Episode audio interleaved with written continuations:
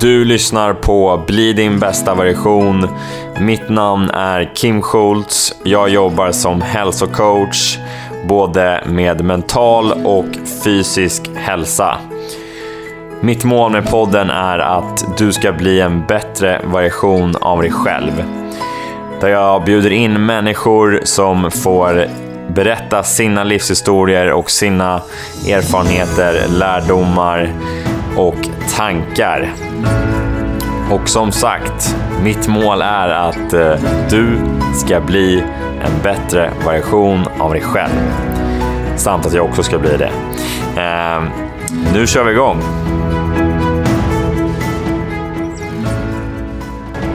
Välkommen till ett nytt avsnitt av Bli din bästa version och tack för att du lyssnar på Bli din bästa version.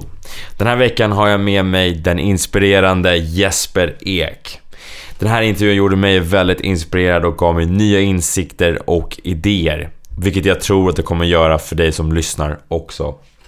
Jesper har bakgrund inom läkemedelsindustrin där han jobbat med management och varit ledare.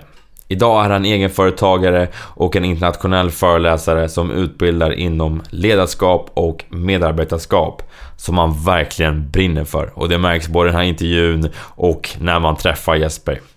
Jesper tog över ett team med lågt engagemang som inte lyckades så bra. Till att öka engagemanget avsevärt och att teamet gick bra och lyckades. Och det här gjorde han under 6 månader. Vi pratar om hur Jesper gjorde det här.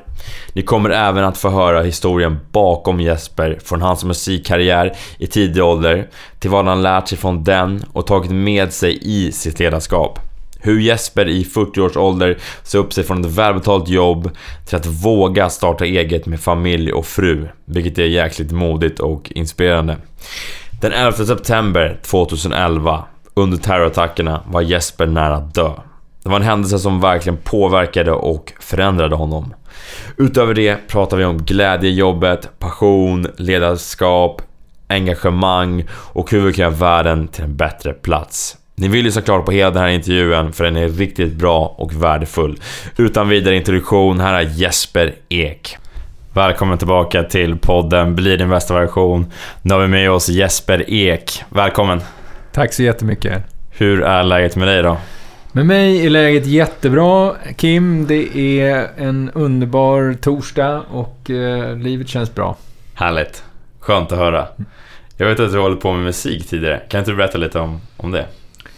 Ja, eh, musik har i allra högsta grad betytt otroligt mycket för mig som eh, i min egna utveckling. Eh, och det började någon gång i högstadiet eh, med att jag spelade bas. Eh, och sen under hela egentligen ja, högstadiet, gymnasiet eh, och universitetstiden så har jag spelat i band. och för mig är det ju sådär att jag lärde mig allting jag kan om ledarskap, skulle jag kunna säga, härstammar från de saker som jag var med om och lärde mig under bandtiden. Så allting egentligen som du... Ja, så jag brukar ibland säga när jag föreläser att eh, det ni kommer att höra om nu är egentligen en, en, eh, en misslyckad musikkarriär eh, och hur det är relevant för hur man eh, kan bli en bättre ledare. Ja, det är väldigt intressant att du tagit med alltså ledarskapsdelar från musiken och in i ledarskapet. Vad, kan du gå in lite på dem? Vad har du tagit med dig från musiken och in i, in i ditt ledarskap? I bandet så är det ju så, för det första då, så är det att alla är lika viktiga. Ja. Eh, jag menar, alla band har ju eh, liksom lite olika instrument, men om vi utgår då från banden jag spelar i så var det ofta två gitarrister, sångare, trummis och basist. Eh, och i princip är det ju så här att eh, om du plockar ut de enskilda delarna så kan de vara bra eller dåliga egentligen. Men det, det, spelar egentligen ingen roll. Utan det är när du får ihop allting. Det är ju mm. när vi spelar tillsammans mm. som, eh, som det låter bra. Just det. Eh, och så där fick jag med mig hela den tanken att eh, okej, okay, det, det, liksom, det här med stjärntänk, det har jag aldrig liksom riktigt mm. förstått. Utan det är klart att ibland finns det alltid solgitarrister och sånt där. Men i grund och botten, de bästa banden är faktiskt ganska demokratiska.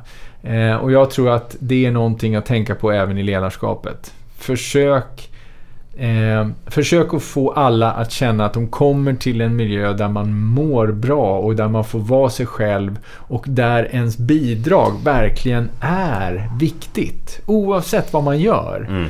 Eh, och därför ska man vara försiktig med att ha säljtävlingar och eh, du vet så här månadens hit och dit och såna här saker. Därför att vad du då gör är ju indirekt så skapar du ju då en distans. För samtidigt som du säger att en är bra så är, liksom, då är det en jävla massa andra som tänker Jaha, men jag då? Varför är inte jag sedd? Mm. Så jag tog med mig det. Helheten. Eh, alla är lika viktiga. Eh, den demokratiska tanken. Sen tog jag med mig att eh, vi hade ingen chef. Faktiskt. Jag menar, om vi skulle spela, om vi skulle ha spelningar eller om vi skulle ha rep. Självklart var det ju olika personer som tog olika ansvar som möjliggjorde för oss att vi faktiskt hittade en replokal. Att betala hyran för den där replokalen, att vi träffades vissa eh, tidpunkter som vi hade kommit överens om och sen då att vi bokade spelningar och sådär. Men eh, det var inte så att någon i banden som jag har spelat i eh, var nödvändigtvis liksom chefen som på något sätt delegerade. Utan det där skeddes ganska automatiskt utifrån, ja men okej, okay, man, man eh, delade upp, man gjorde det man tyckte var kul och, och det som kändes meningsfullt.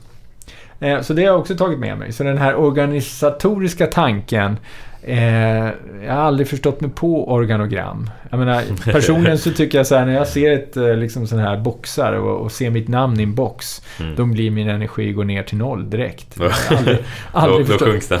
ja, nej, men det, det, är verkligen. Så att det tog jag med mig. Eh, och sen är det väl det där också att, eh, att det ska vara kul. Och glädjen kommer ofta i att man har något bestämt högre syfte med det man gör. Och det är klart att i banden vi spelade i så var vårt högre syfte att vi skulle kunna leva på musiken och ja. kunna åka runt världen och turnera och liksom bli rockstjärnor. Ja. Och då kan man ju tycka så här, ja men det kanske var ett högre syfte. Men det var ett väldigt tydligt högre syfte. Mm. Och det gjorde ju att vi kände, du vet, ja men självklart tar vi den här spelningen och även om det kommer tio på den här liksom, för det kan ju vara så att någon där kommer upptäcka oss. Ja. Ehm, och vi, vi, vi kände en glädje. Ehm, och det kände meningsfullt. Och det är klart att väldigt mycket av de där sakerna tog jag med mig när jag började komma in på kontor och sen när jag får mina första chefsjobb själv. Så upptäcker jag ju att väldigt få människor upplever den här glädjen i jobbet som jag hade när vi spelade i mm. bandet. Det var väldigt mycket glädje i det vi gjorde. Mm. Eh, medans eh, på jobbet så var det väldigt mycket man betonade glädjen på jobbet. Man skulle ha liksom någon företagsfest eller man skulle ha någon så inspirationsföreläsare eller man har eh, fikarasten och såna här saker. Ja. Men det var generellt sett otroligt många människor som kom och sa Åh, måndag och äntligen fredag! Ja. Och det där kunde jag liksom inte riktigt förstå för under hela min bandtid så vi repade jättemycket och jobbade hur mycket som helst med det här bandet utan att tjäna några pengar. Mm. Men vi gjorde det med glädje. Um, så att när jag nu liksom har vuxit in i mitt eget chefskap som då eh, i slutändan har lett fram till ett ledarskap. Eh, så har jag ju haft den där bilden av bandet och hur vi hade det i bandet. Den har liksom varit med och den har varit väldigt central. Så den har egentligen återspeglat i ditt ledarskap just de här grejerna som du lyfter. Ha, ha glädje och ha ett meningsfullt varför vi gör det. Ja, ja. Och, eh, och att alla är lika viktiga. Ja, just det. Alla är lika viktiga. Att vi, att vi är jämlika på något sätt. Ja. Eh, och eh, att vi också då hade en tydlighet utifrån att vi vill bli rockstjärnor och slå igenom så var det ju liksom, okej, okay, vad vi skulle göra, strategierna, mm. de var ju ganska enkla. Det var ju liksom skriv låtar och repa. Mm. Vi repar massvis.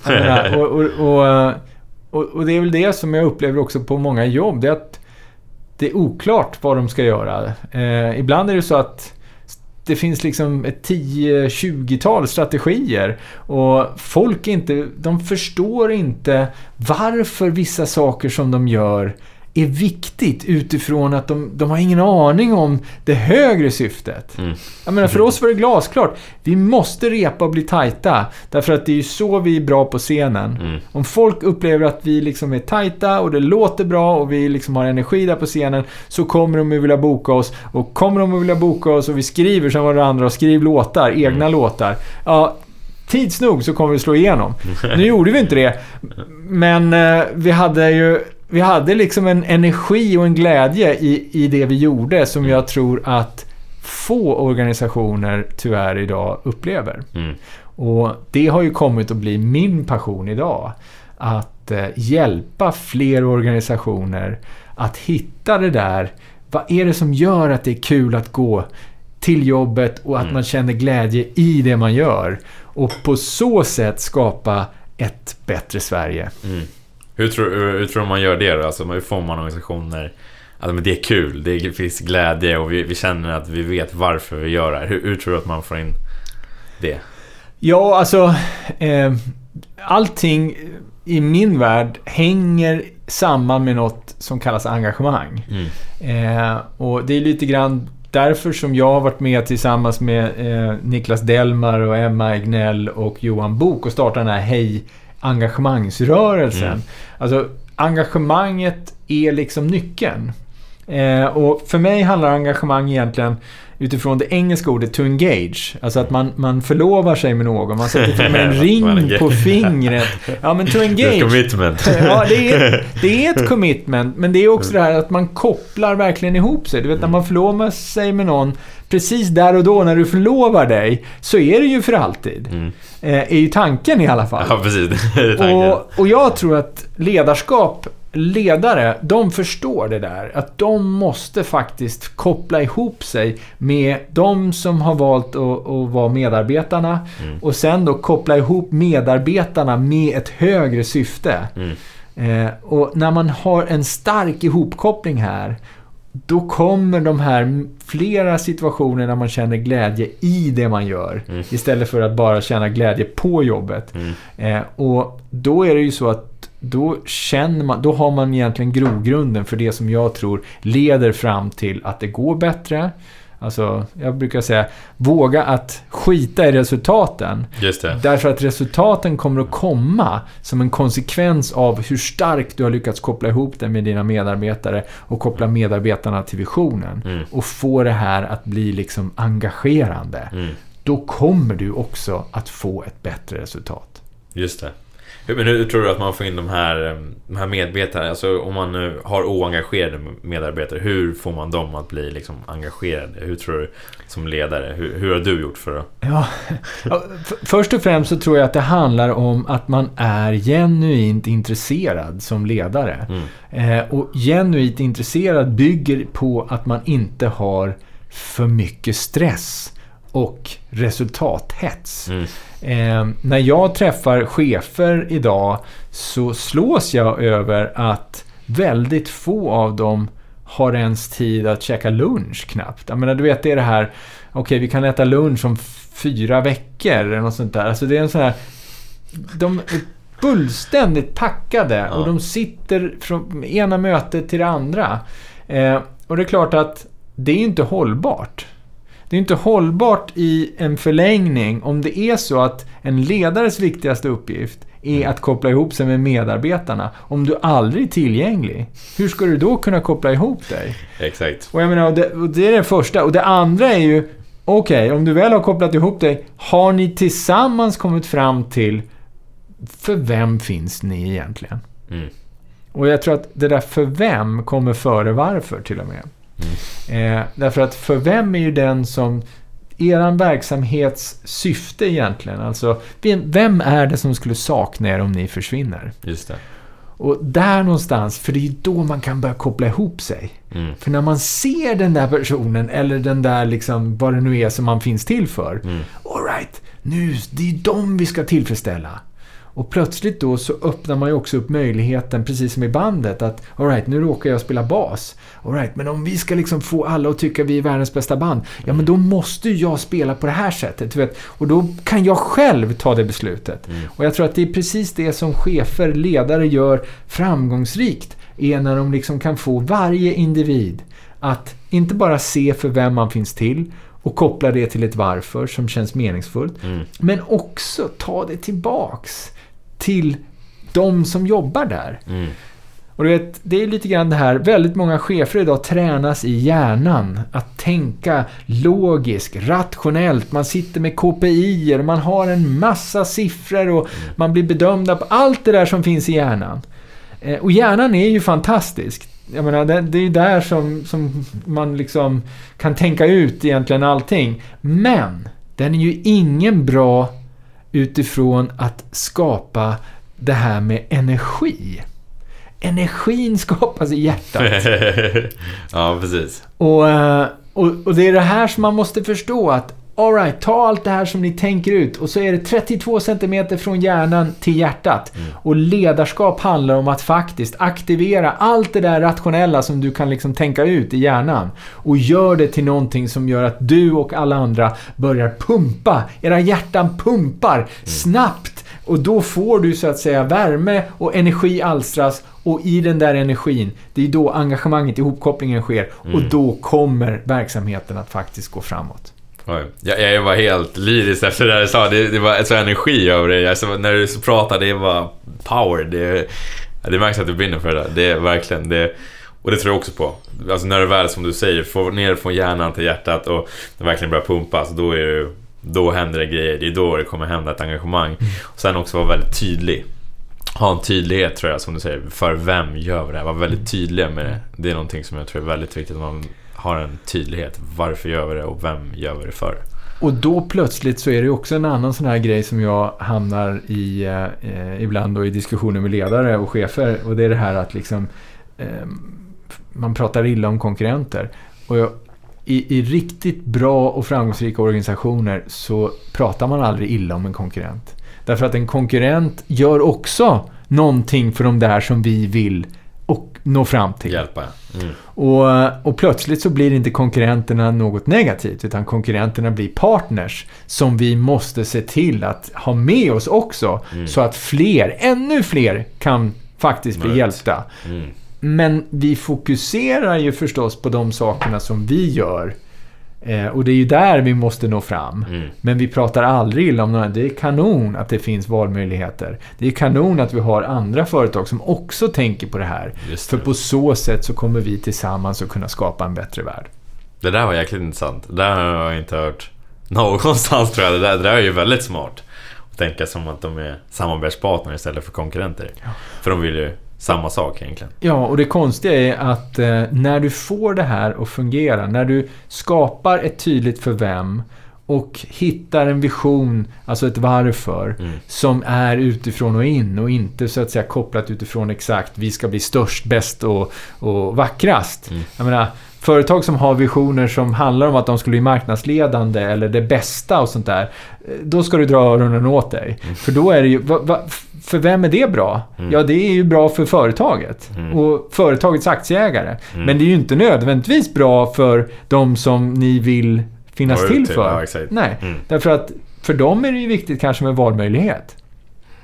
Och så visionen bör vara en sån att du tänker holistiskt. Mm. Eh, och vi, så här vill vi att det ska vara i våran värld. Mm. I den värld som vi då har ett företag med grejer som vi gör där vi försöker hjälpa till och få Mm. det där att hända. Mm.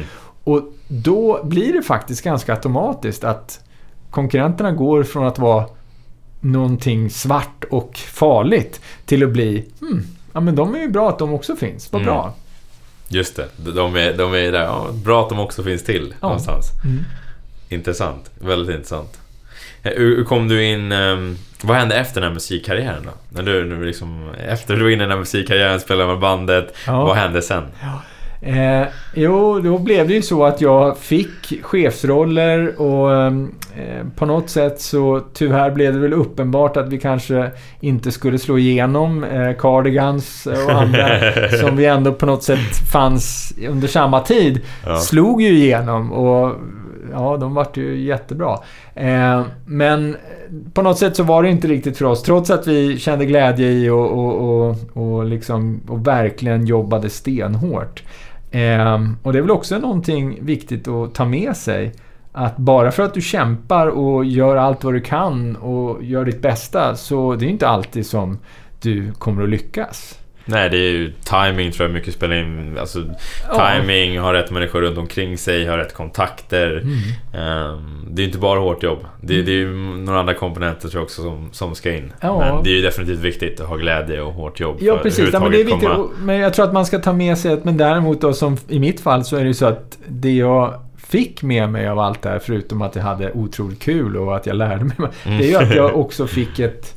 Jag fick en egen en egen syn på ledarskap som jag tror, eh, som idag har jag jättemycket nytta av den. Mm. Eh, och den har ju hjälpt mig under, under hela min eh, karriär som chef och ledare.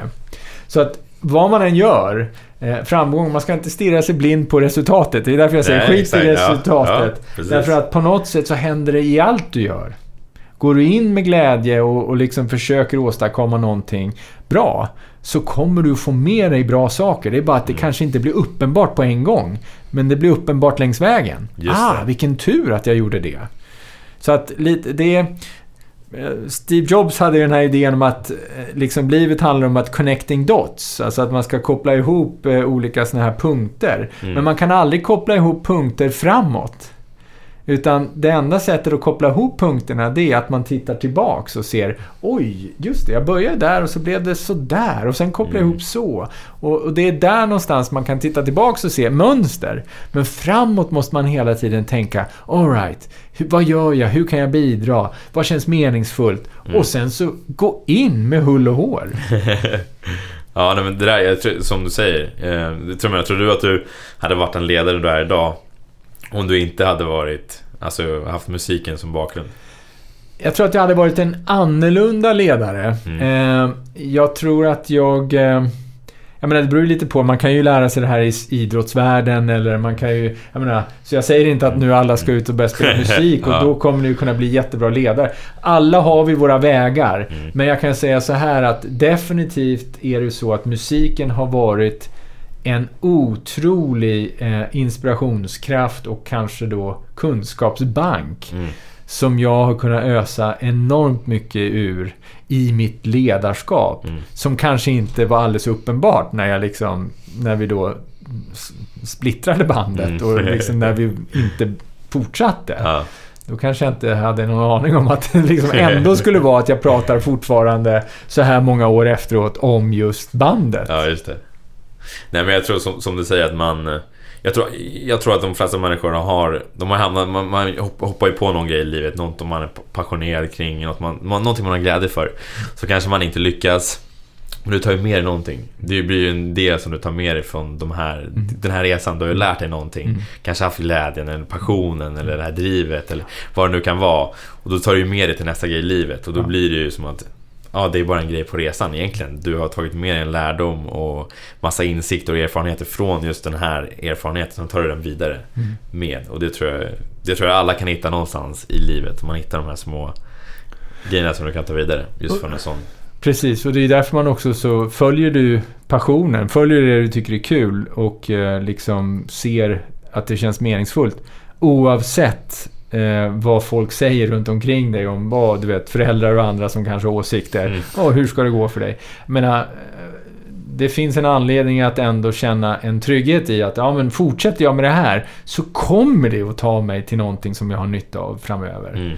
Eh, därför att det finns en enorm kraft i det där att gå från hjärnan till hjärtat och få den här passionen. För att eh, det är det som tar dig framåt. Det är där du får energin och rörelsen framåt. Och det är ju det, är ju det som livet ofta handlar om. det är röra sig framåt. Verkligen. Det, det är precis röra sig framåt och vara passionerad. Gör som man tycker om. Gör saker man tycker om. Mm. Som ger glädje. Du blir en bättre människa. Du kommer bli en bättre medmänniska. Och du kommer må bättre. Alltså jag tror att alla komponenter blir bättre om du Mm. gör någonting som du brinner. Någonting du tycker om. Du blir...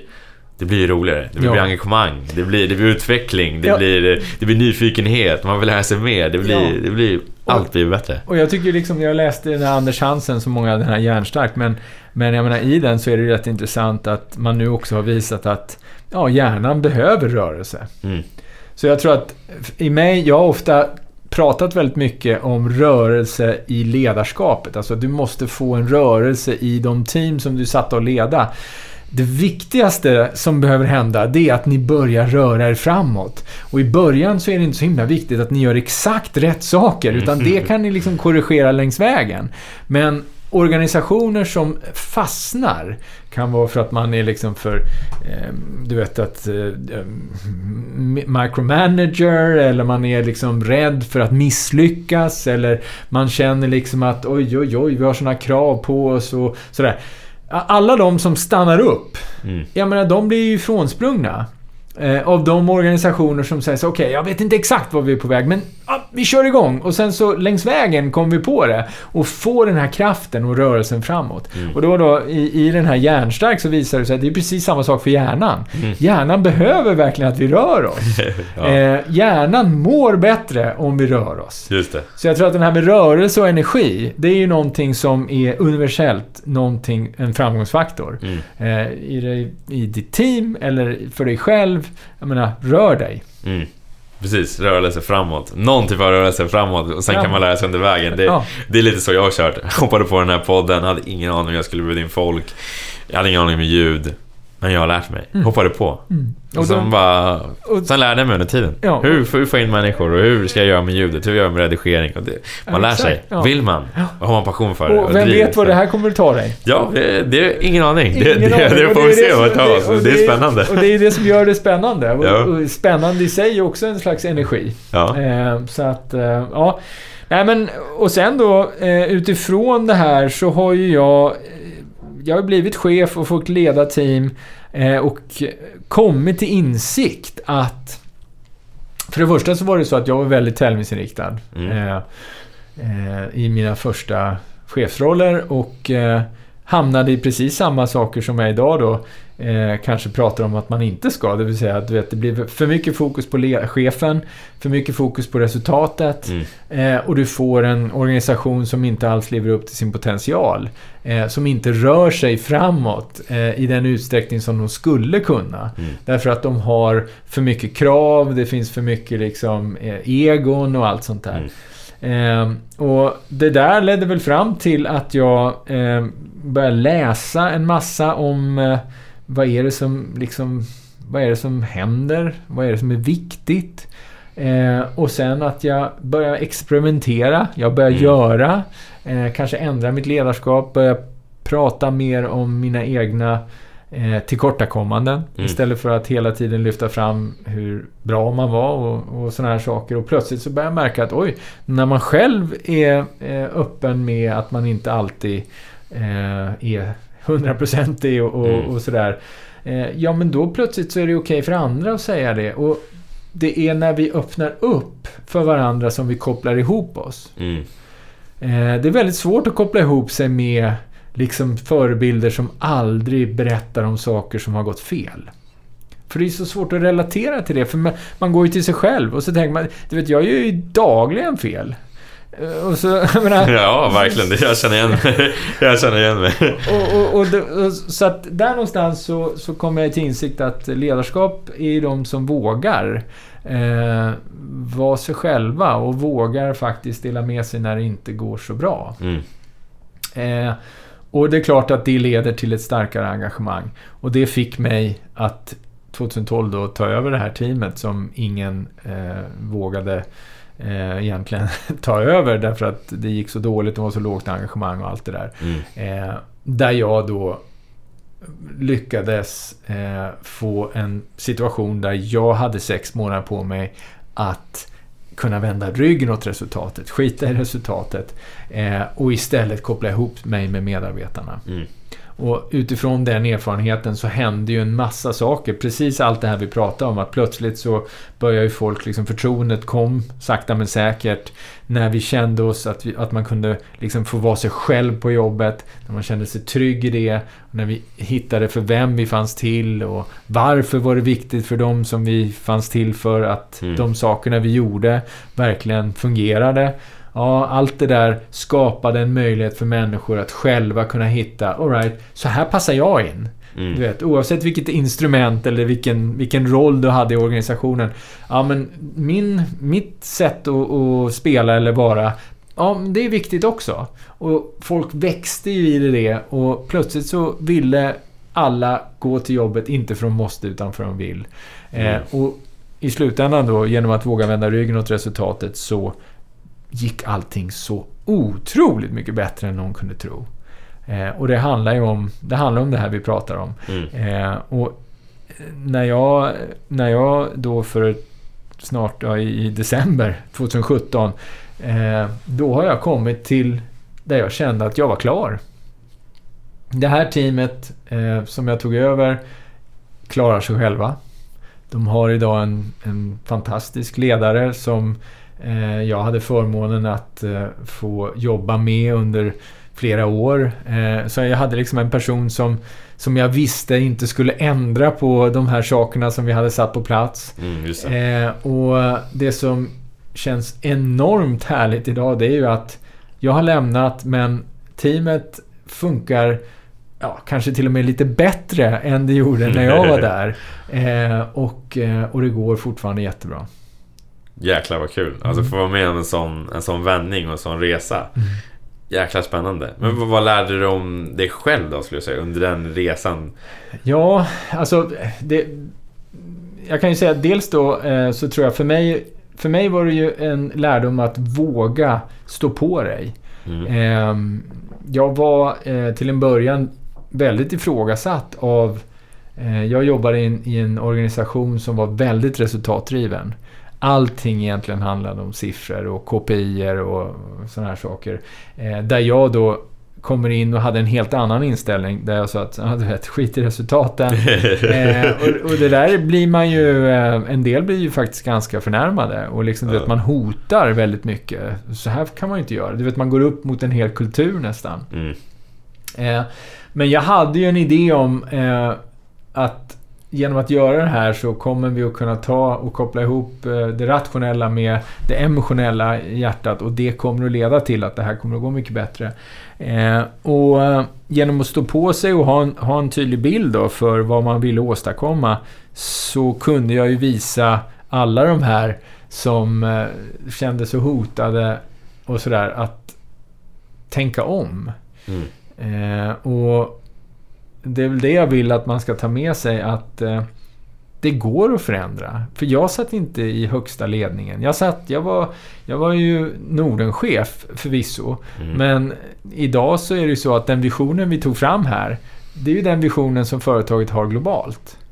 Det är häftigt. Och, och, och jag kommer ihåg att eh, det var liksom en av de här, en tysk som var otroligt skeptisk till hela mitt eh, snack om det här med eh, fluffigt och visioner och annat sånt där.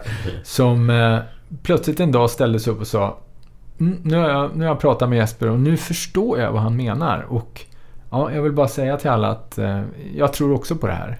Och du vet att, du vet, det är den här, det finns en sån här film på YouTube där den här, egentligen är det inte att vara den första som gör någonting. Det är inte det svåra. Egentligen är det, det viktiga är den andra som hänger med. The first follower är Ja. den som du måste, måste få med dig. Eh, och våga då stå på dig ända till du får den där first followern. För när du har fått två, eller när du har fått en som följer dig, Mm. ja plötsligt så börjar det där liksom bli självspelande. Och då börjar en massa följa dig. Hur fick du den övertygelsen då? Det måste vara någon rädsla tänker jag. Liksom, att det, tänk om de säger nej eller tänk om... Ja. Ja, alltså min övertygelse byggde ju egentligen på att... Eh, för mig handlar det om att jag tog det här jobbet, fick sänkt lön och, och massa andra saker för att du vet, jag kom från en del i företaget som hade helt andra vinstmarginaler och, och så skulle jag gå till den här då som gick dåligt och det var liksom inte alls lika lika hett del av företaget, eh, sa folk. Liksom. Men jag såg ju snarare tvärtom då att wow! Dels verkar ju människorna, alltså det var produkter som verkligen betydde något och jag kände väl att här kunde jag bidra. Mm. Eh, De hade haft tre chefer på fyra år eller något. Alltså, du vet, det var mycket snabba liksom eh, förflyttningar av chefer och eh, väldigt mycket snack om resultat och ingen hade kopplat ihop sig. Jag kände bara så här, vänta nu, här får jag chans att jobba med min min egen framtagna modell som Mm. jag tror på. Eh, så det här är ju ingenting som du vet, jag har läst om. Utan det här är ju saker och ting som jag tänkt ut själv. Mm. Och så tänkte jag, okej, jag provar det här. Eh, och bära eller berista. Men, men på något sätt så vill jag verkligen... Ja, så att det är klart att jag var... Jag var ganska rädd. Eh, och det finns en episod, efter ungefär fyra månader så eh, får jag en person i gäng i teamet då som jag hade eh, knacka på min dörr. Eh, och till saken är den att alltså, det fortsatte att gå dåligt i ungefär sju månader efter att jag började. Eh, och jag hade ju sex månader som jag, hade fått, eh, som jag hade fått OK från chefen. Och efter fyra månader så är det ju så att när de liksom fyra månader där det har fortsatt gå ner så är det eh, en produktchef som knackar på dörren och sen så frågar de kan jag få prata med dig? Mm. Ja, så ja okej. Och så sätter vi oss ner.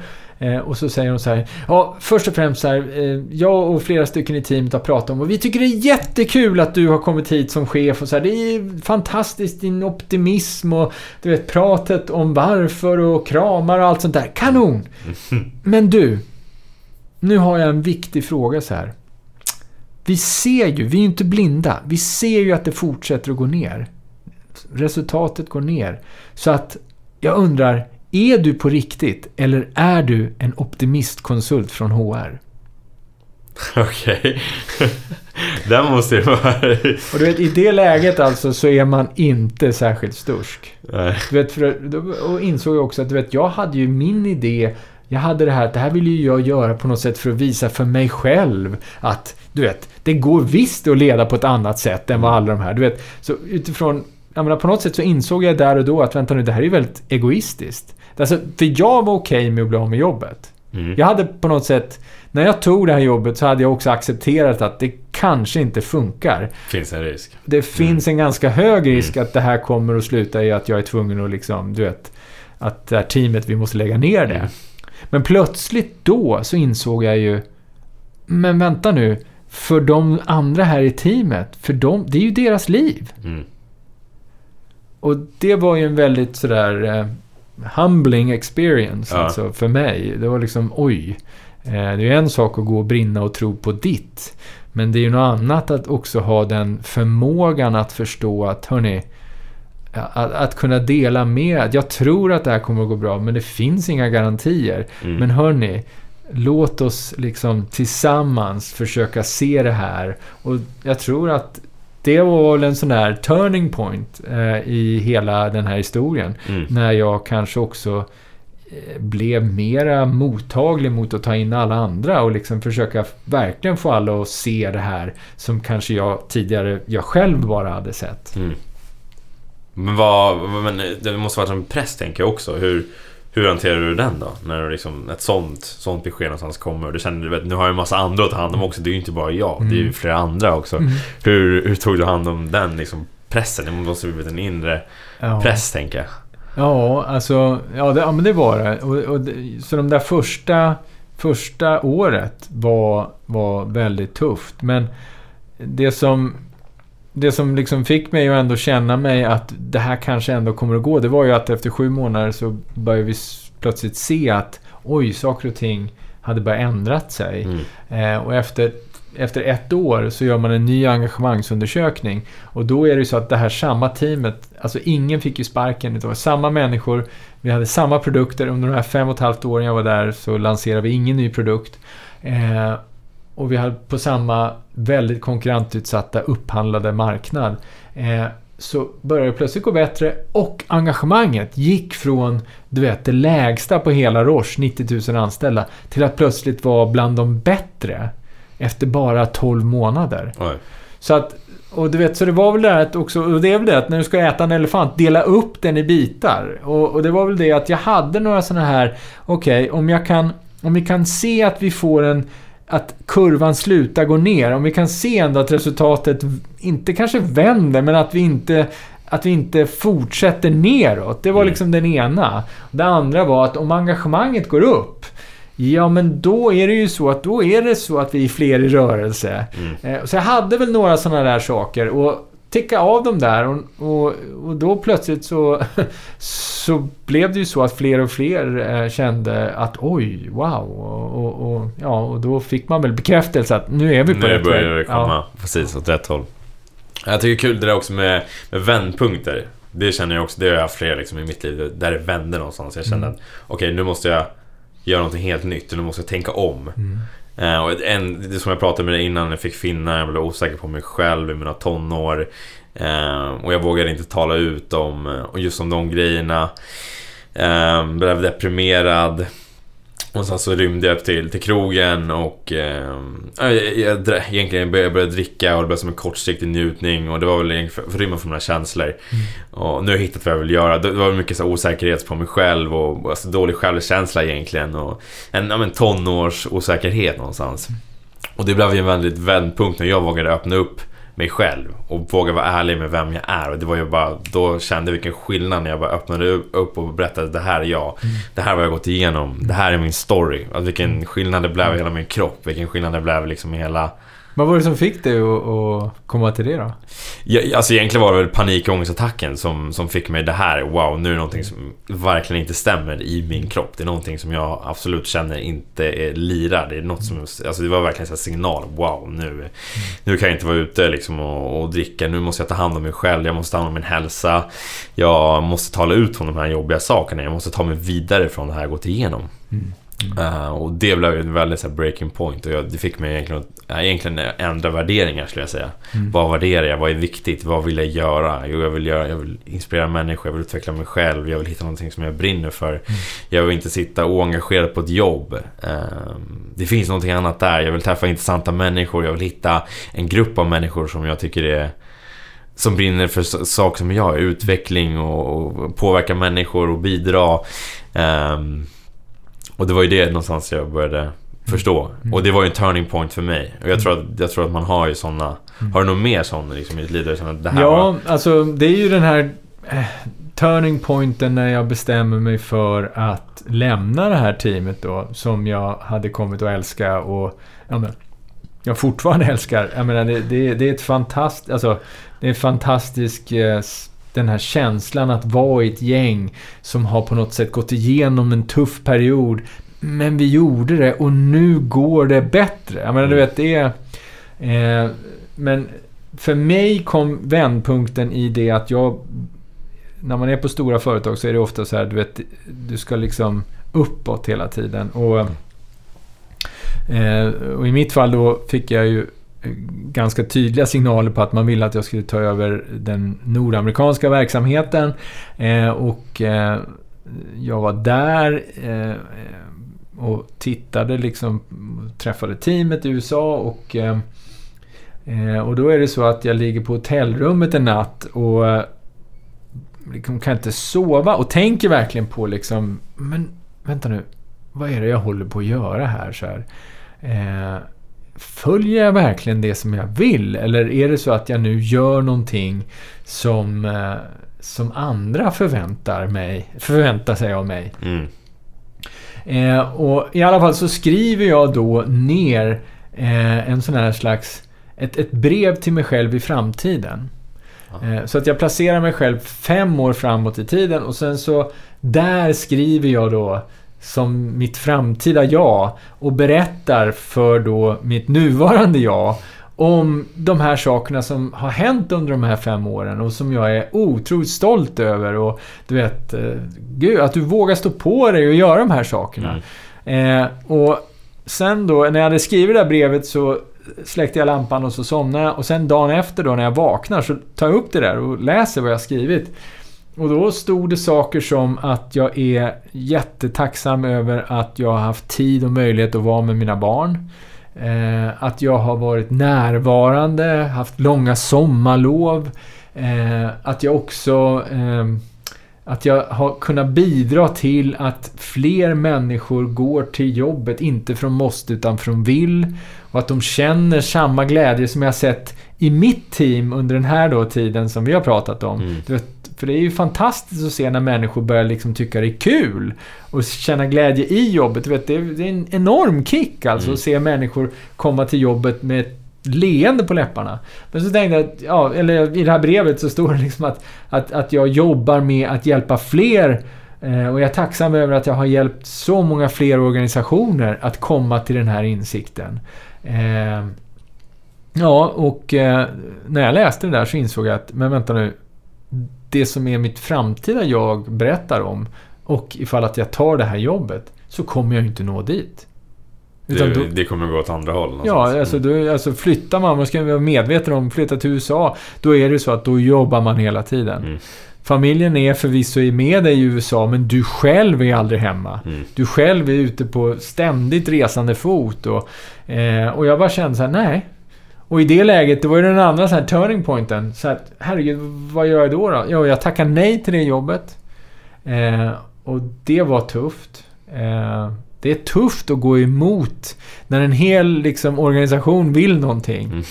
Och du liksom på något sätt måste förklara dig eh, att nej, jag vill inte det. Och då kan jag ju säga också då att jag, menar, jag sa nej eh, och det tyckte de var jättekonstigt. Så det första som händer i stora organisationer när man säger nej det är så här, "Jaha, men du vill ha mer pengar. eh, så de erbjuder liksom, ja men vi dubblar lönen. Alltså pengar är ingen issue om de Ja. verkligen vill ha en. Och du vet, och då ska man också se där, du vet det här, oj oj oj, liksom. Herregud, alltså, tänk, om- är jag värd sådär mycket pengar?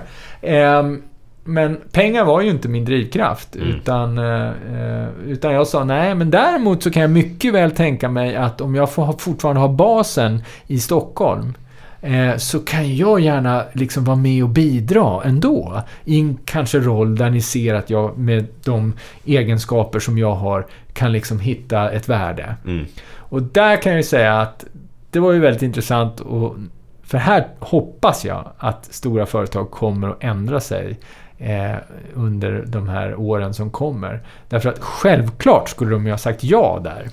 Alltså om jag någon gång igen hamnar i ett, och blir chef över ett stort bolag så är det ju att har du någon sån där som brinner och som kanske, för jag var ju väldigt mycket, jag hade ju liksom varit med och påverkat och ändrat hela liksom synen på kunden, för vem vi finns till och Mm. visionsarbetet, allt det där. Jag menar, hade jag gjort bara därför att jag brann. Just det.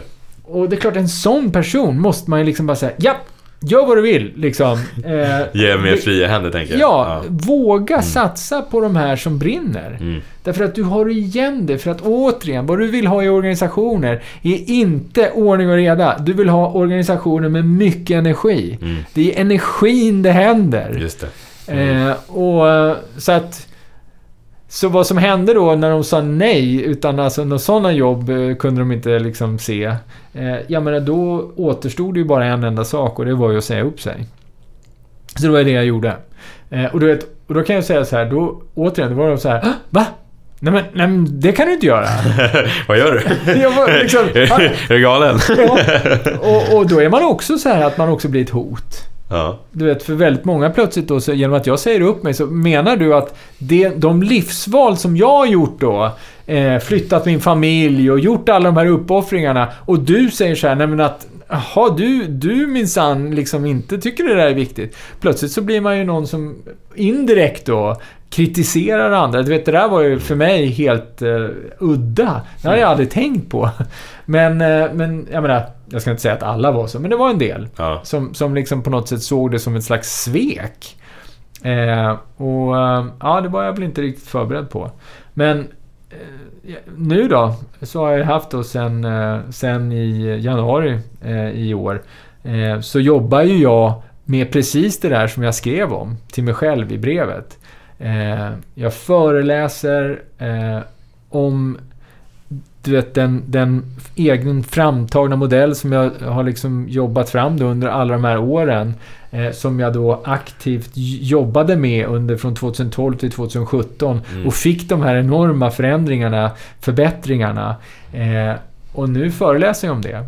Och, och verkar faktiskt som att eh, många ger mig de kommentarerna att de känner wow, de får verkligen inspiration. De får energi. De ser, ja men det kanske är möjligt för oss också. Eh, och sen har jag ju träffat en massa andra härliga människor eh, som ger mig jättemycket energi. Eh, som gör att jag lär mig av dem och förhoppningsvis kan jag lära lite ut till dem. Och mm. summa summarum.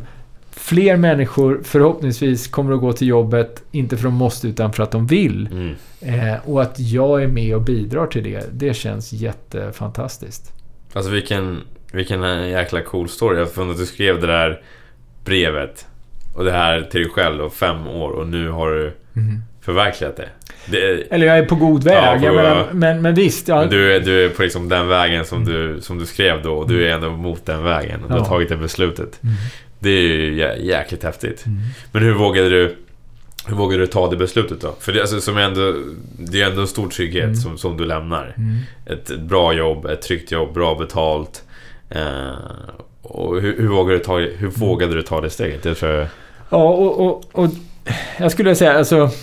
Eh, ungefär, jag tror att det, alltså det var flera, flera månader av på något sätt grubbel, grubbleri och eh, planering. Mm. Eh, jag menar, för det första så handlar det ju om att, eh, att prata med... Eh, I mitt fall då så är det ju så att jag har ju tre barn.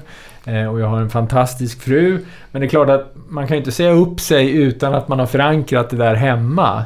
Mm. Eh, så att det var det första då, att liksom, okej. Okay, kan vi klara oss om inte om inte jag drar in så mycket pengar. Mm. Eh, så det är den första biten. Den andra biten handlar om att faktiskt rent eh, titta på vad är det vi behöver. Eh, och upptäcka att, vänta nu, det är kanske inte riktigt så himla mycket så här. Jag menar, nu har vi aldrig varit särskilt sådär att vi har behövt bilar och båtar och sånt där. Men, men jag tror att genom att gå igenom då och då och kanske själv bara kolla, ja men hur mycket är det, vad kostar det att driva runt vår familj mm. en månad? Och vilka av de här bitarna är must-haves? Alltså som vi måste ha. Och vilka av de här är faktiskt så att visst, det så länge vi har pengar kan vi göra det, men mm. det är inte nödvändigt. Vi kan faktiskt dra ner. Just det. Eh, så att det gjorde vi också då. Eh, och till slut så kom det till ett läge där du insåg att vad är det värsta som kan hända? Ja, det värsta som kan hända, det är inte att familjen blir satt på bar backe och du vet, vi är tvungna att liksom flytta till eh, ett, ett litet torp långt ut på landet. Utan familjen kommer att klara sig, vi kommer att kunna bo kvar där vi bor. Eh, och om det är så att jag måste faktiskt ta ett jobb igen. Mm. Så behöver jag inte tjäna jättemycket pengar för att det är det här och då har man ju den där siffran klart för mm. sig. Eh, och då känner man så här, kan jag få ett jobb där jag tjänar ungefär sådär? Ja, men det kan jag faktiskt. Mm. Alright. Så vad väntar du på då? Och i, när du har gjort de där grejerna så har du liksom fått styrkan som gör att du kan faktiskt följa då det som känns rätt för dig inne, inombords. Mm. Eh, så det var ju det jag gjorde. Så du gjorde egentligen en kalkylering och liksom vad, vad, vilka utgifter har vi och vad, vad måste vi göra och vad kan vi egentligen sålla bort? Mm. Uh, och det är egentligen en, en riskkalkyl liksom. Ja, en riskkalkyl och det, det, är väl egentligen det här att jag är väldigt eh, visionär. Ja. Jag är väldigt, eh, liksom, jag är inte någon eh, planeringsfarbror egentligen. men, men det är klart att eh, då och då så måste man ändå göra de där sakerna. Ja. Därför att eh, det är farligt att eh, kanske bara kasta loss. Mm. Framförallt om du har ansvar för andra människor. Definitivt. Och, men jag är övertygad om att det finns en massa människor som jobbar på jobb i Sverige idag som skulle kunna kasta loss. Mm. Om de bara satte sig ner och gjorde den där kalkyleringen och tänkte ut vad är det värsta som kan hända. Och när de har kommit fram till det så kanske de också har fått energin och modet Mm. att säga alright, jag provar. Mm. Precis, jag tror det bara gäller att få ett perspektiv på det som du säger. Att okej, men, men behöver vi de här sakerna? Vad vill jag egentligen göra? Ja, det är inte så långt ifrån. Jag kan klara mig så här länge. Och jag kan ta, i värsta fall, om det inte skulle gå vägen så kan jag ta ett jobb där liksom. Det kommer att ordna upp sig. Det är egentligen komma ur den här rädslan skulle jag säga. Och, det, och väldigt mycket också att komma ur den här, du vet, eh, bara för att du har haft ett jobb med en viss lön innebär ju inte att du alltid måste ha eh, lika mycket eller mer. Mm. Men ofta är det på något sätt att vi har en konstig eh, inramning i att livet alltid är en ständig utveckling. Och nu blir det lite filosofiskt, men jag är övertygad om att hela samhället måste börja tänka om. Eh, vi har ändliga resurser här på jorden. Mm. Det, är ett, det är ett kretslopp.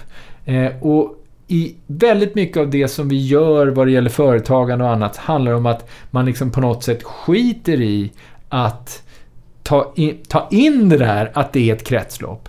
Utan man säger att det måste vara en ständig utveckling. Det måste hela tiden bli lite bättre. Nästan alla företag bygger liksom hela tiden på att okej, nu är vi så här stora, men nästa år ska vi vara så där och Ja. nästa år ska vi vara så där. Och det är klart att det funkar ju om du har oändligt mycket tillgång. Men i en ändlig tillgångsvärld där vi måste så att säga ta in det här så tror jag att det är nödvändigt att vi då och då kalibrerar om oss Mm. och säger okej, nu har jag haft turen och förmånen eller vad det nu är eh, där jag liksom har kunnat få den här lönen men det kanske jag inte ska ha hela livet utan ja men du vet nu måste jag ju kalibrera om här och så gör vi det så här istället. Eh, och, och vara okej med att det behöver inte hela tiden gå uppåt. Utan ibland går det åt sidan, ibland kanske det till och med går neråt. Men det är okej, så länge som du liksom ändå känner att du själv fyller på med de saker som är viktiga för dig. Vad är ditt eget mening? Och liksom håller den där, mm, ja, det, är- det, det är dit jag är på väg. Mm. Eh, Så att, eh, ja, jag tror att eh, det finns en, en hel del att, att, att faktiskt reflektera över kring de här ämnena också. Det tror jag definitivt. Och sen tror jag också som att, ja men som du säger, det går åt sidan eller det går åt neråt. Det är ju då vi egentligen också blir, som jag känner, det är då vi blir starkare. När vi går igenom de här lite tuffare grejerna eller de här utmaningarna, när vi verkligen utmanar oss genom de här, det är då vi blir växer som personer som mest skulle jag säga. När vi går igenom något som är tufft och något som verkligen utmanar oss. Det är då vi verkligen tar steg, nästa steg egentligen. Ja, och, och det kan man också tänka, det är då man också faktiskt får någonting, jag menar om vi pratar om historien, din egen livshistoria. Mm. Men när du går igenom den där svackan, eh, om du tar dig igenom svackan, då har du ju faktiskt någonting unikt att bidra med sen. Därför att, du vet, du var här och så var det tufft som fasiken här och så hände de här grejerna. Men du vet, jag tog mig förbi det och så kom jag hit. Ja, men plötsligt har du ju någonting som andra kan vara intresserade av att höra. Mm, Åh, wow! Oj, jaha, berätta mer. just det. Eh, och, så det är klart att det är ett, man lär sig, man, man växer och framförallt kan man ju bidra med sin erfarenhet som förhoppningsvis bidrar till att andra kan ta in den Mm. och lära sig. Och ja, återigen, då bidrar du än en gång då till, till att världen blir lite bättre. Ja. Nej men det tror jag också till, eh, och det är också att vi Våra företag, vi växer hela tiden. Vi har ju inte oändliga resurser i den här världen. Och det tror jag att företag börjar kanske förstå, men jag tror att det behöver nog komma ut ännu mer, som du säger också. Det tror jag är en väldigt, väldigt viktig grej att fokusera på. För Ja, företag och överhuvudtaget människor också. Att vi människor måste ju tänka på att vi, vi ska vara hållbara också. mm, Och det tror jag är en viktig, viktig punkt, både som människa och företag borde, mm. borde fundera på. alla gånger. Och, och sen är det ju så att vi har ju faktiskt en, en nästan oändlig energikälla i solen. Men på något sätt så är det ju det här att eh, så länge som vi inte sätter fokus på att alright, nu ska vi knäcka liksom hur vi kan få ut energi ur solen. Ja. Då finns det alltid enklare vägar. Till exempel olja och bensin eller kol, eh, Mm. om vi nu ska ta liksom att försvara kolbrytning. Därför att det är mycket svårare att ta de här kortsiktiga problemen som det kanske ändå innebär att vänta nu, nu ställer vi helt om. Eh, och då vill man inte göra det för då blir man ju impopulär. Mm. Eh, och därför så, trots att på något sätt vi vet att vi borde, så gör vi inte det. Därför att det är lite jobbigt eller Mm. rent av jättejobbigt. Eh, och, och det där är ju någonting att tänka på för en själv också. Jag menar, alright, du kanske ska göra någonting som upple du upplever lite jobbigt varje dag. Så du övar dig i att, alright, det är inte så himla farligt att ta i surdegar. Därför att, mm, ja, ja, jag, liksom, jag blir faktiskt, jag lär mig av det och kanske upptäcker att, vänta nu, det går. Och när du liksom rör dig då i den här riktningen som är mot någonting som definitivt är bättre. Mm. Ja, sakta men säkert så kommer du ju faktiskt att se att oj, när du tittar tillbaka sen så kan du ju se att du kan koppla ihop några sådana här punkter som gör att oj, kolla, vi har ju närmat oss det där som vi är ute efter. Det kanske inte riktigt är där, Mm. men vi har definitivt kommit närmare. Mm. Och jag tror att, att ha det där perspektivet att jag, menar, jag är en väldigt visionär typ som ofta pratar framtid.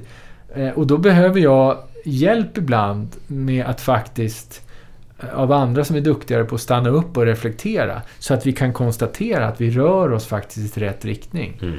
Eh, Så att det, ja, det behövs. Allting behövs. Mm. Alla är lika viktiga. Ja, precis. Vi är tillbaka- där. Alla är lika. Exakt. Jag är lite intresserad också, när du tar beslut, hur, hur, hur går du tillväga då, då? Du tog den här kalkylen förut, men hur, hur tänker du annars när du ska ta viktigare beslut, om vi säger Mm. Ja, jag försöker ju att... Eh, eh, jag försöker ju eh, på något sätt reflektera över vad, vad är det här för typ av beslut? Mm. Eh, är det ett beslut som har en lång inverkan eller är det en, eh, ett beslut som har relativt sett kort inverkan? Eh, och det är klart att genom att man på något sätt, alltså vilken, vilken färg jag ska ha på skjortan. Jag menar, vad fan spelar det för alltså, ja, det, det är sånt där som man bara tar ett beslut. Ja. Men det är klart att ska jag säga upp mig från jobbet så måste du ju förstå att är det, är, det, är det bara jag som kan ta det beslutet? Nej. Du måste ju... Vilka, vilka andra eh, behöver jag ta in och ta hjälp av Mm. för att verkligen kunna ha tillräckligt mycket beslutsunderlag för att kunna ta ett beslut? Ja. Eh, och vilken inverkan får det långsiktigt på om Mm. jag gör de här grejerna? Eh, så att där försöker jag väl ändå stanna upp. Alltså återigen, skriv det här brevet då och då. Jag försöker att skriva ett brev en gång om året nu. Eh, alltså, så- att man eh, får in det här att man varje år i början av januari eller när man nu vill. Men Mm. ta ett brev och skriv. Hur, hur vill du... Alltså berätta, hur är det om fem år? Mm. Eh, och vad är, det som du, vad är det som du går igång på? Vad är det du känner glädje i? Därför att de där långa femårsgrejerna, de ger dig väldigt mycket eh, så att säga, indikationer på vad är det du behöver ta? Vilka stora beslut behöver du då ta redan imorgon? Just det. För att du ska kunna närma dig ditåt. Och sen är det ju så att det är ju rätt häftigt när du har skrivit fem sådana där brev. Så är det ju fem år framåt. Då kan du ju ta det brevet, det första du skrev. Ja. Och så kan du ju kolla bak och då får du en chans att reflektera och se hur många av de här punkterna har vi faktiskt kopplat ihop. Mm. Just det. V- Vad skulle du säga, vem har påverkat dig mycket i ditt liv, skulle säga? Eh, ja, min fru. Min fru är... är hon är eh, en eh, forskare. Eh, Ja. Så hon är kvantkemist. Och hon Kvantkemist, vad är det? Vad är det? Det är så svårt så att jag vet inte. Jag kan, jag, jag kan, jag kan bara... Jag vet vad hon är. Ja. Men hon är otroligt duktig på att hitta essensen i grejer. Jag är jätteduktig på att prata om grejer. Hon är duktig på att hitta liksom kärnan. Mm. Eh, och jag har lärt mig av henne att, eh, att eh, kanske tänka efter och försöka hitta vad är det egentligen som är det jag försöker säga eller Mm. det jag försöker göra.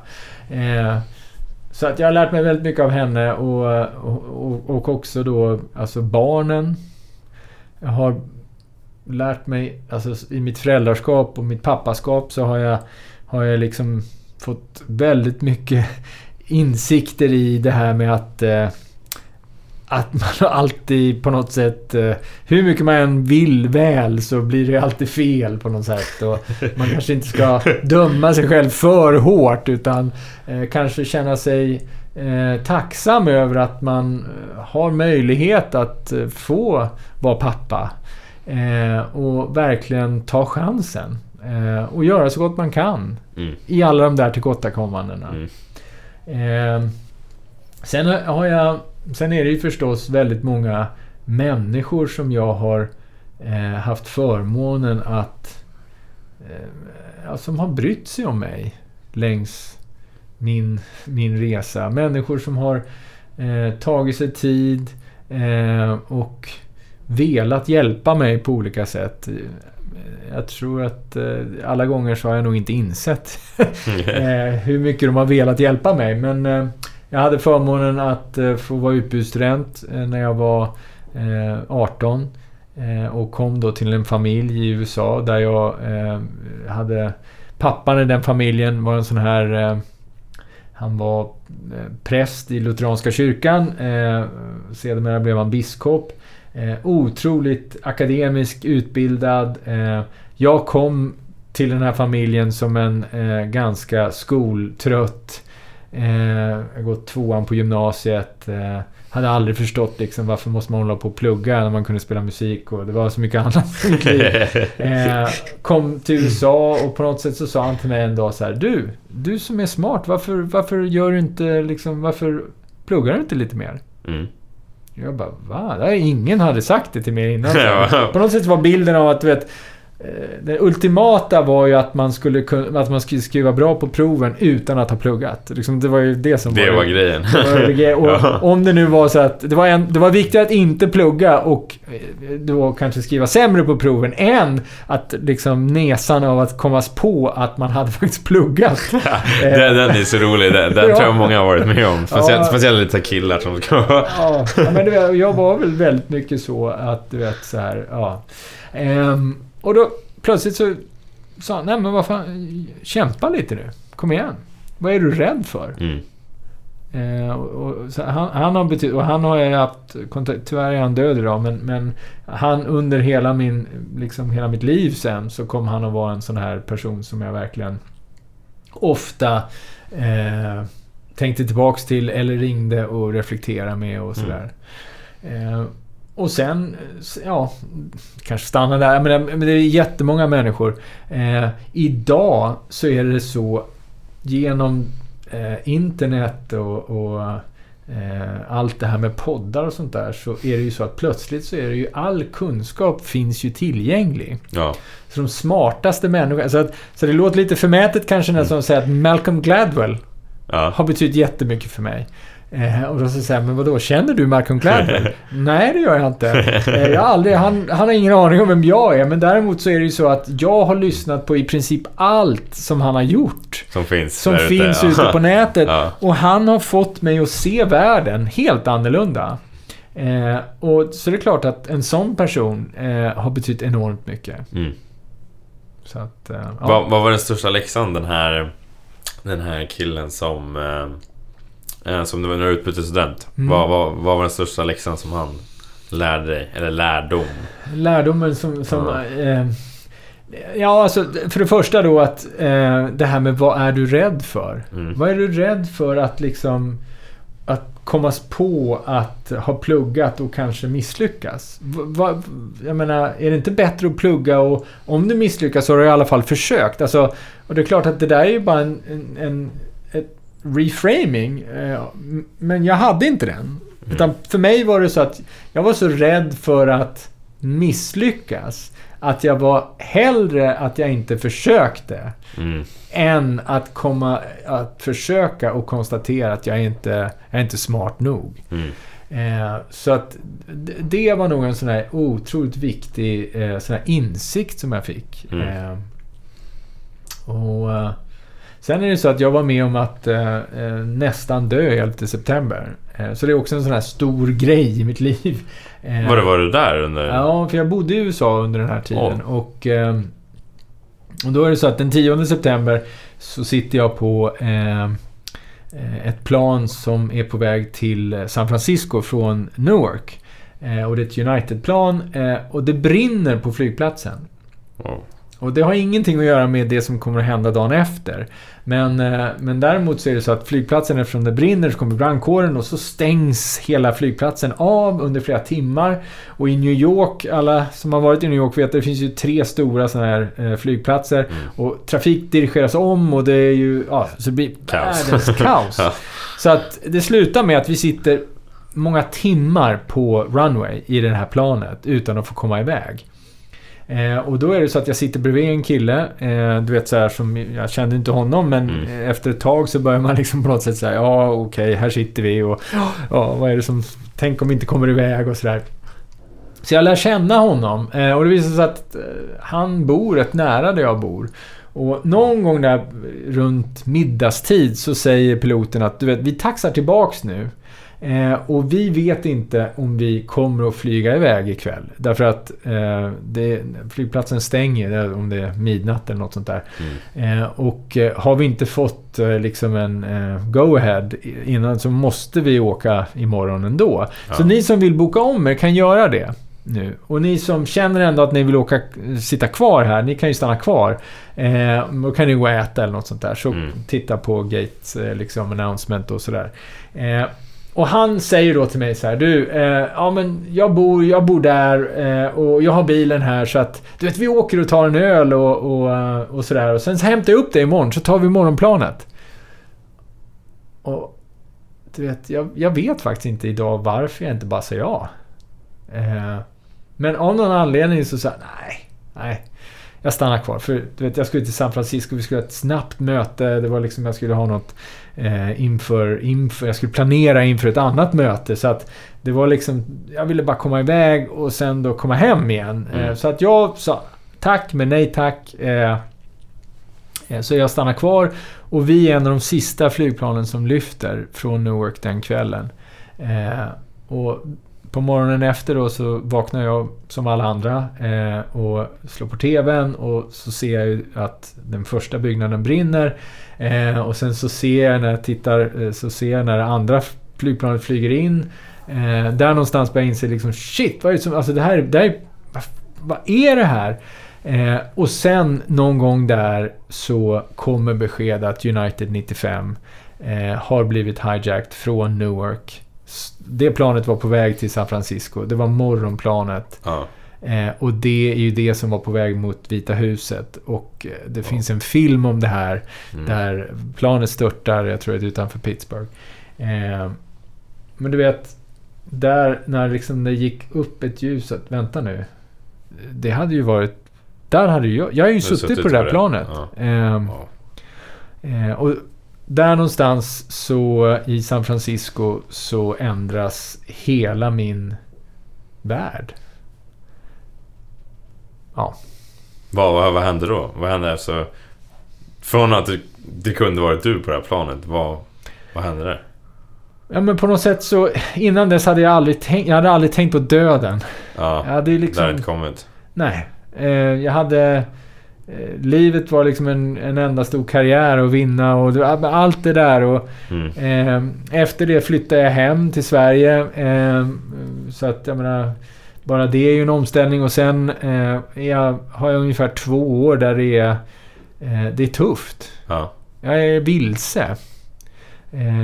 Och efter då, mot slutet av det andra året, eh, så plötsligt så är det ju som att allting klickar i igen. Du vet att jag börjar känna att, eh, dels träffar jag då Maria som, som eh, glädjande sen då jag gifter mig med. Eh, och, vi, eh, eh, och vi får ju sen då Jakob lite senare. Och sen så kommer jag på vad jag vill igen. Jag vill ju jobba med eh, liksom meningsfulla produkter och, och ja, plötsligt så är det som att jag... Och det är inte längre min egen... Sådär att jag måste vara störst, bästa, vackrast. Mm. Utan jag vill bidra. Alltså hela den här tanken Mm. kring bidra har liksom vuxit fram ur den där otroliga dippen som det var att nästan dö. Även om, visst, man kan, det finns andra som har varit mycket närmare döden. Men för mig, det där var den närmsta döden jag har kommit. Och det är klart att det är också en sån här händelse som nästan alla som lever på jorden idag har ett förhållande till. Och du vet att jag var otroligt nära att faktiskt stryka under där. Mm. eller dö. Eh, den har ju fått en att se, vänta nu, jag kanske är satt för att göra någonting, någonting vettigt med livet. Mm. Eh, och eh, eh, samhörigheten blev plötsligt viktigare för mig än min egen framgång. Mm. Och jag tror att faktiskt att, att den där händelsen formar om mig på något sätt. Nej, men det där känner jag igen. Det där är också sån... Den här panikångest som jag fick, det fick ju också verkligen så här en omhändelse för mig. Det kändes som att wow, nu måste jag... Jag kanske hade också varit lite mer egoistisk eller alltid brytt mig om människor men jag hade väl mycket fokus på mina egna problem och hur ska jag lyckas och eller, vad ska jag göra och, och efter den grejen så fick jag också mer upp en ögonen för andra personer. För jag vill ju hjälpa andra. Det finns ju andra som har gått igenom de här sakerna också. Och det finns ju andra som inte vet vad de vill göra. Det finns andra som som inte mår bra på jobbet, som vill få ut och har så mycket mer att erbjuda och som har bra grejer men de behöver få verktygen för att släppa ut de här bra grejerna. Mm. Och jag tror att det som jag, jag- det kanske jag ser i alla fall så här att ibland ger universum oss grejer som vi behöver. För att vi ska inse vad vi ska göra. Och det kan, ta, det kan ta en viss tid, men jag tror att universum ger oss knockar. Och det, jag har just den, Mm. Den idén och den tanken att det, det händer av en anledning. Det finns en mening med de sakerna som händer. Om du väljer att se rätt saker på dem. Det kanske tar, det kanske tar två år, det kanske tar tio år, eller så kanske det tar en vecka eller bara en timme. Men du kommer att förstå Ja. varför det hände. Det finns någon slags mening med det. Ja, ja nej, men jag tror... Det, det är i alla fall, jag har i alla fall den, den det mindsetet. Och, det, och det, det känns ju som en härlig tanke. så Ja. att, jag, menar, så jag, jag håller med dig om det. Och... Eh, ja, nej men, men eh, det är väl... Det är de där hä- händelserna som vi tvingas tänka till. Och det, det är ju då som kanske vi faktiskt tar oss framåt. Mm.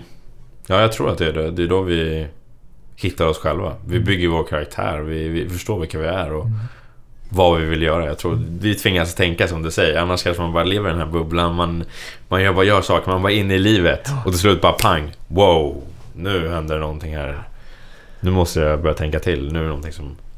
Och, eh, och för mig är det också, jag tror att också det här att, eh, du vet, säga upp mig eh, har blivit mycket mindre farligt. Jag har sagt upp mig nu, jag, har sagt upp mig tre gånger i livet eh, utan att ha något annat. Mm. När jag sagt upp mig. Eh, och det har gått bra alla gånger. Eh, och därför, då blir man liksom, okej, men vänta nu. Ja, vad är det värsta som kan hända då? Så, ja, men... Alright, då kan jag leva med det. Bra, gör det då. Precis. Det, det, det är inte så farligt som att det, man bygger upp de egna bubblorna i sitt Mm. eget huvud. Det är så jäkla farligt. Men sen när man väl bara får ett annat perspektiv på det som du säger. Bara, Fan, det är inte så jävla farligt. Ut och gör det bara. Alltså kom igen. Det är så här. Ja. Det är så konstigt att man, man bygger de här egna storiesarna. De här bygger vi varje dag. De här storiesarna. Tänk om jag gör så här, så här kan jag inte göra. Jag kan inte säga den här saken, jag kan inte... Jag kan inte, jag måste fixa mitt hår på ett speciellt sätt. Eller jag ska ha på de här kläderna. Du vet, alla de här storiesarna som man bygger upp hela tiden. Jag kan inte gå fram till den här personen och prata med, med henne eller honom. Alla de här storiesarna som man bygger upp hela tiden. Ja. Som hindrar oss. Det är, det är så förvånande hur Ja. mycket vi hindrar oss själva. Men egentligen är det bara gå ut gör det. Det, det, ja, det är jäkla intressant. Um, vad vill du att människor tänker på dig? Vad vill du att människor ska tänka på dig? När de, när de tänker på dig?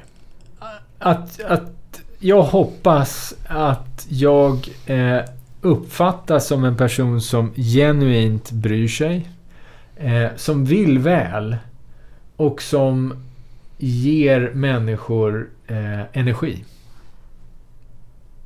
Så du vill väl ge energi. Hur kommer det sig att de här sakerna, varför har de blivit...